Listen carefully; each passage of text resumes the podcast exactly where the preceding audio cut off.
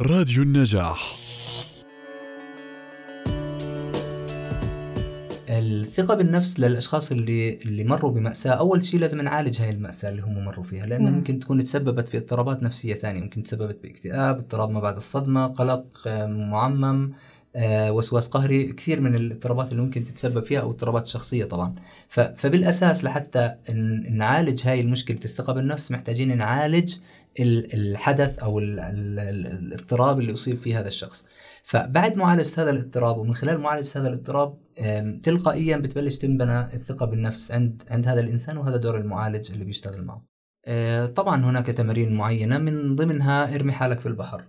خلينا نحكي إذا صح هذا التعبير بمعنى إنه آم، المواجهة. المواجهة بالضبط مواجهة المخاطر مواجهة ال ال الشيء اللي أنت بتخاف منه طبعا بظروف مناسبة بظروف صحيحة. يعني شخص بخاف من إنه يتحدث آه، أمام الجمهور. أكيد ما بنحكي له من أول مرة اطلع احكي قدام 10000 بني آدم. بس على الأقل اطلع احكي بالصف اطلع احكي بالمدرسة اطلع يعني شوي شوي إنه بالتدريج. ثلاث أربع أشخاص سا- ساعد الأهل مثلا إنه خلوه هو يطلع يحكي لهم كلمة قدام الأهل قدام الناس.